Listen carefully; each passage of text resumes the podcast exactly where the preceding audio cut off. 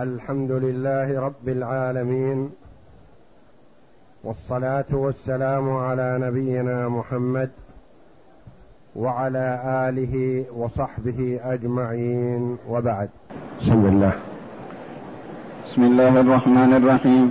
قال المؤلف رحمه الله تعالى وإن أصدق امرأة شقصا وقلنا تجب الشفعة فيه وطلق الزوج قبل الدخول والأخذ بالشفعة فيه وجهان. نعم. أحدهما لا شفعة لما ذكرنا والثاني يقدم حق الشفيع لأن حقه أسبق لأنه ثبت بالعقد وحق الزوج بالطلاق بخلاف البائع فإن حقه ثبت بالعيب القديم. قول المؤلف رحمه الله تعالى وإن أصدق المرأة شقصا أي خطب امرأة لتكون زوجة له. وأصدقها نصيبه من البيت الفلاني له فيه الربع أو الثلث أو نحو ذلك. أو نصيبه من الأرض الفلانية. أو نصيبه من البستان. أو من النخل. شقص. ويطلق الشقص على جزء من عقار. أصدقها نصيبه من عقار ما. وهذا سائق لأن المهر يصح كل ما يتمول سواء كان ثابت كالعقار أو منقول كالدراهم والدنانير والأمتعة ونحو ذلك. وهذا لا إشكال فيه. وقد سبق في الفصل في الشرط الرابع. أن يكون الشقص منتقلا بعوض من شروط وجوب الشفعة. أن يكون الشقص منتقل من مالكه إلى المشتري بعوض. وذكر الخلاف في الشفعة فيما كان مهرا. فمن العلماء رحمهم الله من قال الشفعة فيما انتقل بعوض معلوم كالدراهم والدنانير. فالشفيع يأخذ الشخص بما دفعه المشتري للبايع. المشتري اشترى هذا العقار بألف. جاء الشفيع وأخذه منه بماذا؟ بالألف الذي دفعه. وهذه كما قلنا من محاسن الشريعة الإسلامية لدفع الضرر عن الشريك المتأصل الشريك السابق. أنت وصاحبك شركاء في عقار. أنت وإياه متفاهمون. وعرفته وعرفك لكنه باع نصيبه على شخص جديد. أنت تقول في نفسك ربما أقع مع هذا في مشكلة. ما أدري عن تفاهمه وتعاونه. وتسامحه فدفعا لهذا الضرر الذي قد يحصل لأن الشريعة الإسلامية تدافع الأضرار والمشاكل والخصومات بين الناس. قدر المستطاع إن إن الإنسان ما يقع في مشكلة لا مع جاره ولا مع شريكه ولا مع أخيه. فهذا الشريك يقول أنا قد أقع في مشكلة مع هذا الذي اشترى. هذا ما يعرفني وأنا ما أعرفه. فقيل له دفعا للضرر المتوقع حصوله عليك خذ المبيع بقيمته. وهذا من محاسن الشريعة. لكن هل كل منتقل ممكن يأخذه؟ أنت ورثت هذا العقار من أبيك وأبوك شريك لصاحب العقار. يأتي الشريك يقول لا ما أصير شريك لي. لا لأن هذا انتقل شرعا بدون بيع وبدون ثمن ما تأخذه مني وأنا ورثت هذا العقار من أبي.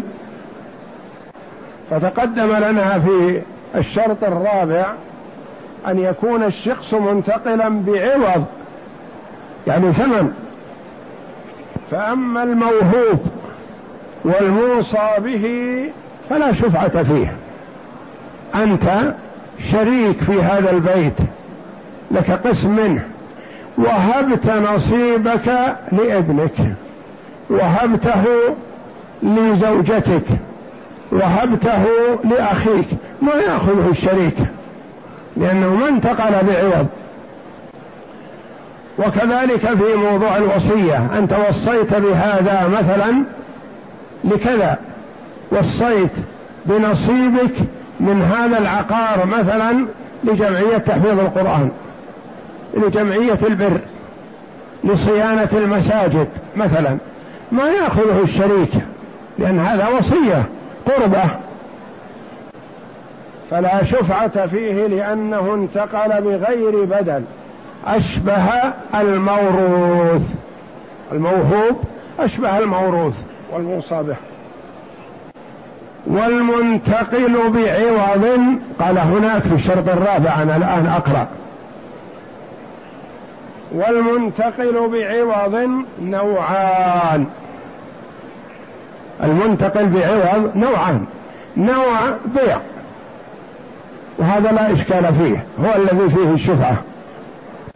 الثاني ما عوضه غير المال كالصداق وعوض الخلع.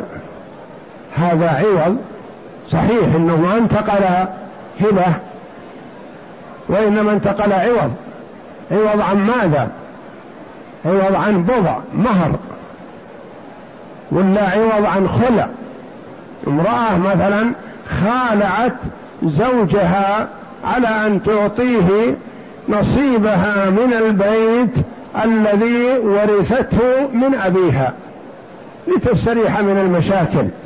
وقعت في مشاكل مع زوجها وتحب أن تستريح من المشاكل فخلعت نفسها من زوجها بنصيبها من البيت.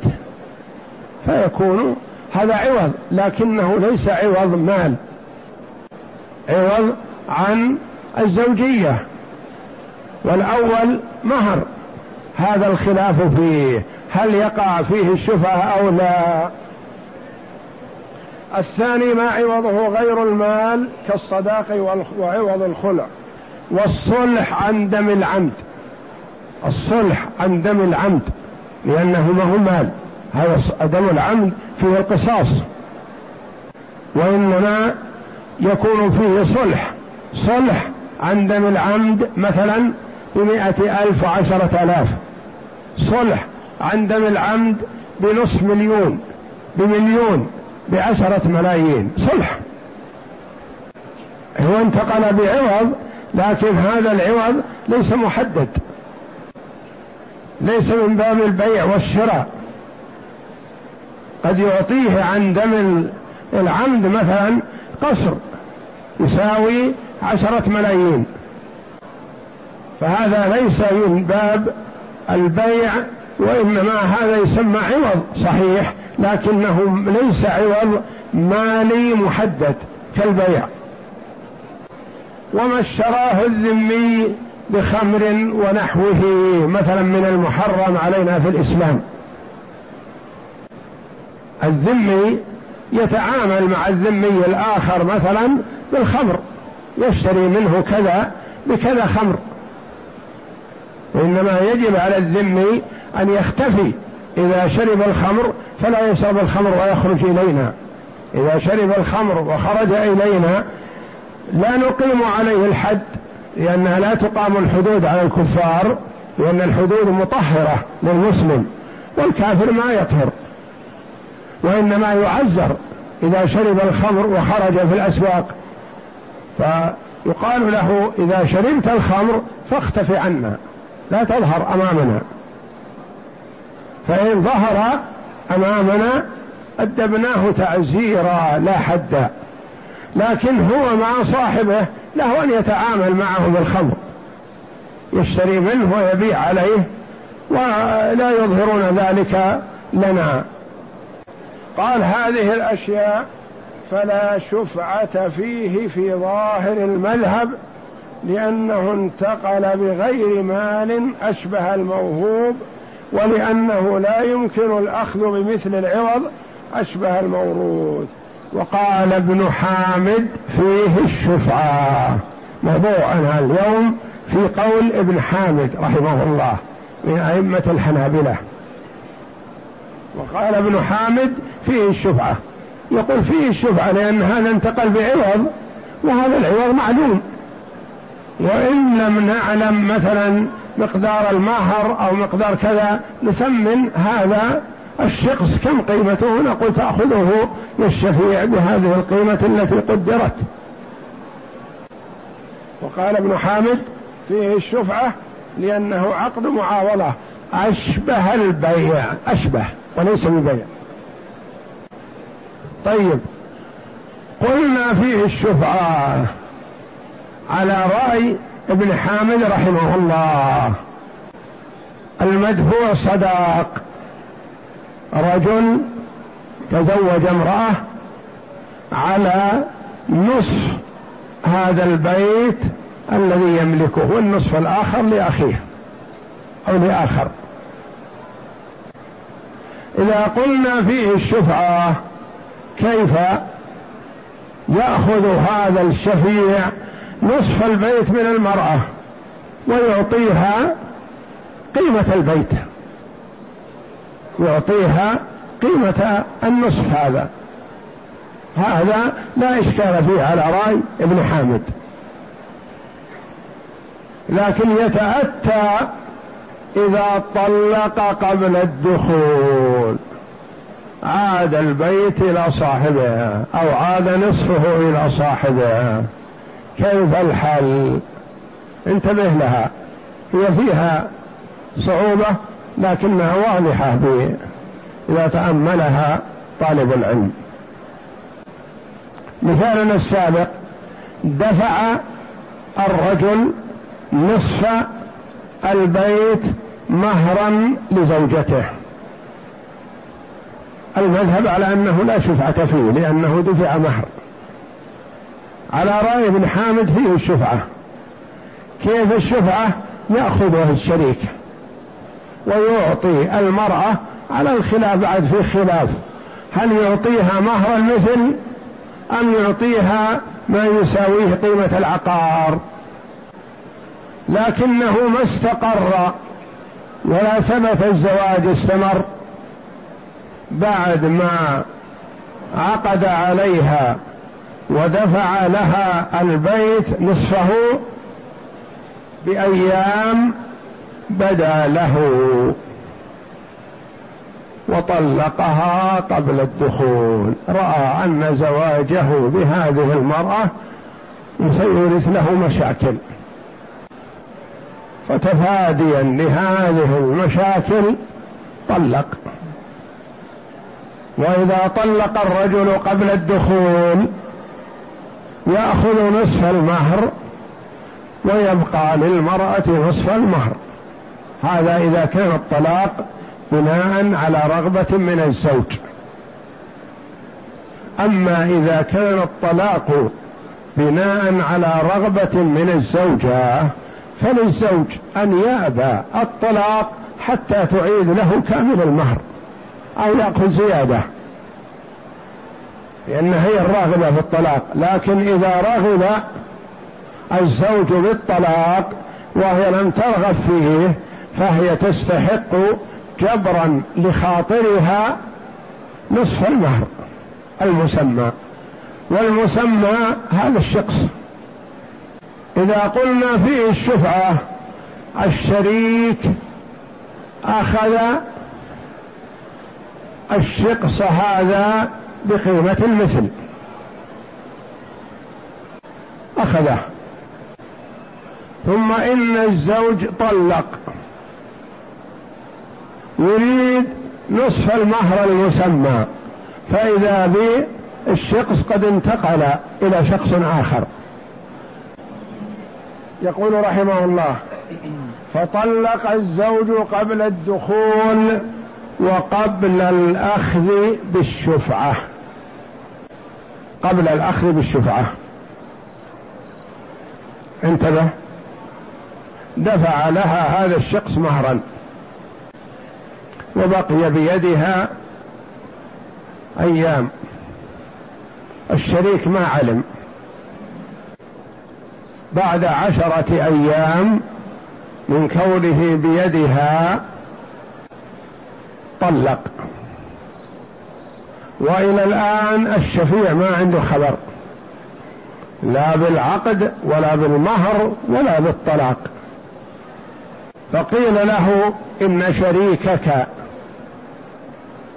دفع نصيبه في هذا البيت الذي أنت شريك فيه لزوجة تزوجها. وبعد أيام عاد الشخص إلى صاحبه لأنه طلق قبل الدخول. قال أنا مشفع قيل له رجع البيت إلى صاحبه. قال أنا مشفع فهل له شفعة أو لا؟ هذا مبني على أن ما أخذ مهرا رفع مهر في شفعة. لكن المانع الجديد هو أنه وحصل الطلاق قبل الدخول فعاد العقار إلى صاحبه الأول. يقول أنا مشفع. فهل له شفعة أو لا؟ نقول نعم له شفعة. لأنه متى حلت الشفعة للشريك؟ بعدما تم العقد. تم العقد صار له حق الشفعة. ومتى انفسخ العقد؟ بعد عشرة أيام.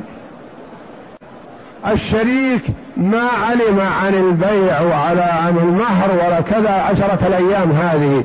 ما علم إلا بعدما حصل الطلاق. فهل شفعته بحالها؟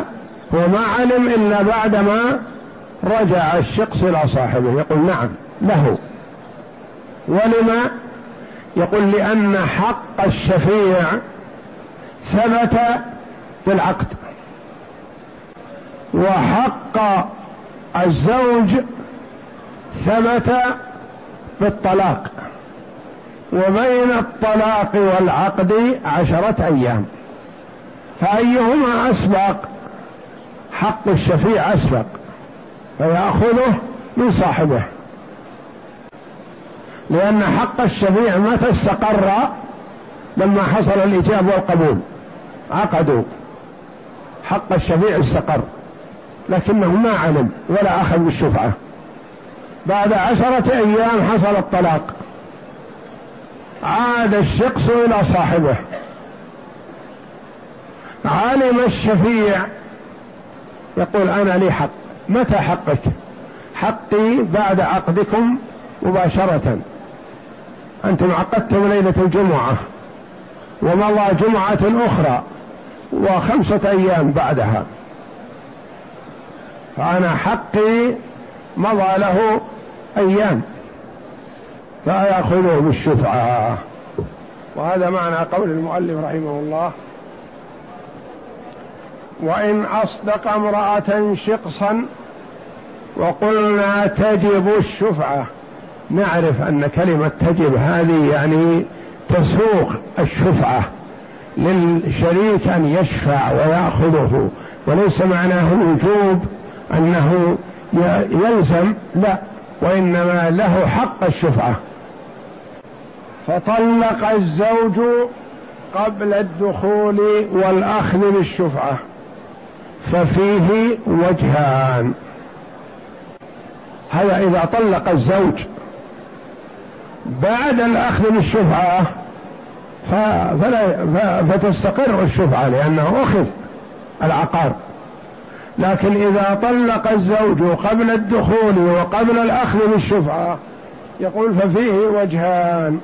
أحدهما لا شفعة لما ذكرنا. أين الذي ذكر؟ ارتفع. ثلاثة أسطر وأربعة أسطر لا تروح بعيد. وإن رد البائع العبد قبل الأخذ قبل أخذ الشفيع. انفسخ العقد ولا شفعة لزوال السبب قبل الأخذ. ولأن في الأخذ بالشفعة إسقاط حق البائع من استرجاع المبيع. وفيه ضرر ولا يزال الضرر بالضرر. أحدهما لا شفعة لما ذكرنا لأن المبيع الشخص هذا إلى صاحبه. وأخذه من يد صاحبه ومالكه الأصلي فيه ضرر عليه. ولا يزال ضرر البايع لا يزال ضرر الشفيع بضرر البايع وإنما كل يبقى على ماله. بما ذكرنا. والثاني يعني الوجه الثاني. يقدم حق الشفيع لأن حقه أسبق. حقه ليلة الجمعة اللي حصل فيها العقد. وهذا الزوج حقه صار ليلة الجمعة الثانية اللي حصل فيها الطلاق. مضى جمعتان. جمعة فيها عقد وجد حق الشفيع. وجمعة حصل فيها طلاق سقط حق الشفيع. فيقول لا حق الشفيع موجود من قبل ما يسقط. يقدم الثاني القول الثاني يقدم حق الشفيع لأن حقه أسبق. متى وجد؟ وقت العقد. لأنه ثبت بالعقد. وحق الزوج متى ثبت؟ بالطلاق. وأيهما أسبق؟ العقد. بخلاف البايع إذا رد المبيع. بخلاف البايع فإنه ثبت حقه بالعيب والعيب قبل إجراء العقد. بعيب العبد أو عيب الأرض أو عيب أي عيب أي عوض فالبايع حقه متقدم لأنه ثبت بالعيب والعيب ما هو حادث. لو كان العيب حادث ما يثبت له. لأنه على ملك صاحبه لكن عيب متقدم فحقه سابق. أكررها باختصار. دفع الزوج لزوجته مهرا نصف هذا البيت الذي هو شريك فيه مع أخيه أو جاره أو صاحبه. فحصل العقد على مهر هو نصف البيت. وقبضت المرأة نصف البيت. وسكنت فيه. وهيأت نفسها للزواج. فإذا بالزوج يرسل ورقة الطلاق. والشفيع الأخ الشريك في البيت غافل ما علم عن شيء الآن. عقدوا وسلموا البيت للمرأة وسكنت فيه. ثم طلقها وأخرجها من البيت يعني عاد البيت له ويعطيها نصف المهر. علم الشفيع. قال أنا مشفع وقال البيت عاد إلى صاحبه يقول وإن كان. أنا آخذه بالشفعة. ليه؟ نقول يقول لأن حقي ثبت بعد العقد. والبيت عاد إلى صاحبه مثلا بعد الطلاق. فحقي أنا الشفيع قبل حق الزوج. لأنه بعدما تم العقد لي حق آخذه بالشفعة. لكني ما علمت. ولو علمت ما سكنت فيه المرأة ولا دخلته. دفعت القيمة وأخذته. لكن حصل الطلاق ورجع البيت إلى صاحبه الأول. يقول لا أنا حقي قبل. لأن حقي أنا في ليلة العقد. وحق الزوج وجد في ليلة الطلاق فحقي سابق عليه بأسبوع أو شهر أو سنة أو أيا كان. المؤلف رحمه الله يذكر بعض هذه المسائل لشحن الأذهان و لأجل يكرس طالب العلم في المسائل العويصة ويتأملها ليتقوى بها على فهم غيرها من المسائل. وإلا فقد يصور بعض مسائل تندر الوقوع نادرة الوقوع. اقرأ أعد المقطع كاملا. وإن أصدق وإن أصدق امرأة شقصا وقلنا تجب الشفعة فيه. وطلق على رأي ابن حامد رحمه الله. وإلا المذهب على أن ما دفع مهرا لا شفعة فيه. لأن تقوي لأنه يترتب عليه تقويم البضع وتقويم البضع يختلف. قد يكون الرجل مثلا يدفع على هذه المرأة مئة ألف بينما هو لا يدفع للمرأة الأخرى ولا خمسة ألاف. فليست على حد سواء وقد يسامح فيه فيعطيها أكثر مما تستحق. وإن أصدق امرأة شقصا وقلنا تجب الشفعة فيه فطلق الزوج قبل الدخول والأخذ بالشفعة فيه وجهان. أحدهما لا شفعة لما ذكرنا. والثاني يقدم حق الشفيع لأن حقه أسبق لأنه ثبت بالعقد. وحق الزوج بالطلاق بخلاف البائع. فإن حقه ثبت بالعيب القديم. والله أعلم. وصلى الله وسلم وبارك على عبده ورسول نبينا محمد وعلى آله وصحبه أجمعين. تأملوها بارك الله فيكم وثبتوها إن شاء الله.